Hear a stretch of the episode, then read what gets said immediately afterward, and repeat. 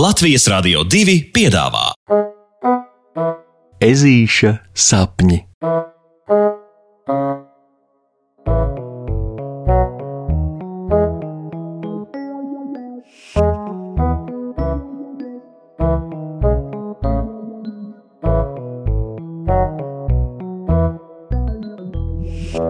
Ezītis un lielākā kūka visumā. Puksītis ir pārēdies. Viņš ir palīdzis zem momītes dzimšanas dienas svinību galda un klusiņā vaid. Svētki visādā ziņā ir lieliska padarīšana, bet te, acīm redzot, vietā ir sakāmais, kas par daudz, tas par skādi. Puksītis svētkus vienmēr izbauda uz urā jo tie nu reiz ir tie brīži, kad vecāki aizmirst visus noteikumus par to, ka šis ir par saldu, tas par burbuļainu. Tāpēc puksītis svētkos lopsē iekšā visu, kas pagadās tam pa ceļam līdz. Līdz jāguļ zem galda un klusiņām jāvaid. Ja puksītim būtu bikses, to pogas jau sen būtu atsprāgušas vaļā, bet nu viņš vienkārši guļ un nevar pakustēt. Visu ģimenes tuvu un tālu radinieku kājas šūpojas gar galda malām, un jautru sarunu čalu pavadīti, viņi sāka klusītiņām daudzbalsīgi dziedāt kādu ome mīļu ziņģi, palīdzot ežulim iemekt saldā miegā. Sapnītī puksītis iet pa mežu palu lēkdamies.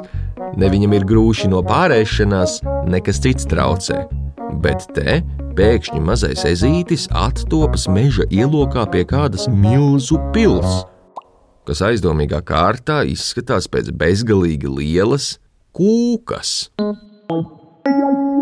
Pils smaržo pēc šokolādes un vaniļas, tās torņu galos līgojas ķiršu ķekari un gar logu malām tek ievārījuma tērcītes. Puksītis skatās uz pili pavēris muti un nejaudātai iet tuvāk klāt, jo, ja nu tas brīnums beidzas, bet šī doma ir īsa kā sekundes simtaļa, jo jau pēc brīdiņa plaši atsprāgst vaļā pasakainās pils durvis, un pa tām puksītim pretī nāk mazs, zaļš, spalvains ķēms. Puksīša sejas izteiksme laikam runā pati par sevi, jo ķēms neapmulst, bet uzsāks sarunu pirmais. Nu, labdieniņ, labdieniņ! Ar ko tad man tas gods? No ķēmas palvām izšaujas maza zaļa kārna roķele un pastiepjas puksīšu priekšā, lai tiktu paspiesta sveicienam. L labdien, es esmu puksītis! Ežulis izstoma. Našķu princese!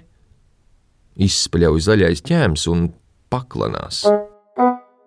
Pagaidiet, ko? Princese? Puksītis no pārsteiguma kļūst gluži vai mēms, jo pēc viņa domām princesēm jābūt kā minimums ar seju un skaistā kleitā, bet te. Jā, jā, nelūr, nelūr, nu tik pārsteigts. Es esmu našķu princese visīstākā. Nāc iekšā un pārliecinies pats. Un zaļais ķēms, piedodiet, našķu princese ved puksīti iekšā savā pilī, kas itin kā uz burvju mājiena no visumā milzīgākās kūkas pārvēršas par briesmīgu, šmulīgu un pusdrupušu cietoksni, kam visas sienas noķepušas ar lipīgu masu, kas brūnās šķēpelītēs nokarājas gar pils sienām un lēni šļūts puksīša virzienā. Pie, piedodiet, bet kas te īsti notiek? Puksītis prasa princesei. Našķu princese šķebinoši saldi iesmējas un atmet no vietas, kur laikam ir viņas seja, zaļos matus. Mans draugs, tu esi vietā, kur valda lipīgi pirksti, zobgrauži un šķebinoša doša. Tu esi tur, kur nonāk visi, kas aizmirst starp saldajiem, ēst arī kaut ko prātīgu. Tu esi sāpoša punča un trakumgarstāvokļa paradīzē. Tu esi mājās un lai arī puksītis smaidu našķa princeses sejā neredz, viņš jūt, ka viņa smaida un stiepja ežuļa virzienā nu jau divas kārnas, zaļas rokas, lai ezīte cieši apskautu, bet Nē, puksītis strauji raušas augšā no miega un ar pieri atsitas pret Omītas dzimšanas dienas svinību galda apakšu. Bums, au! un kamēr puksītis ķer pie pieres, ap galda apakšas malu esošās kājeles nomaina puksīša tuvu un tālu radu ziņkārīgi acu pāri.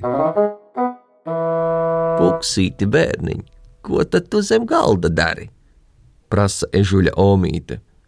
Es, es meklēju kaut ko kreptīgāku, ko apēst pa vidu visam saldajam. un lai arī citi rādi labsirdīgi smējas par puksīti, kurš bija nu pat iemidzis zem galda, Omīte piemiedz ar aci ežulim un saka: Tā vien izskatās, ka kāds te būs saticis našķu princesi. un Omīte smaida.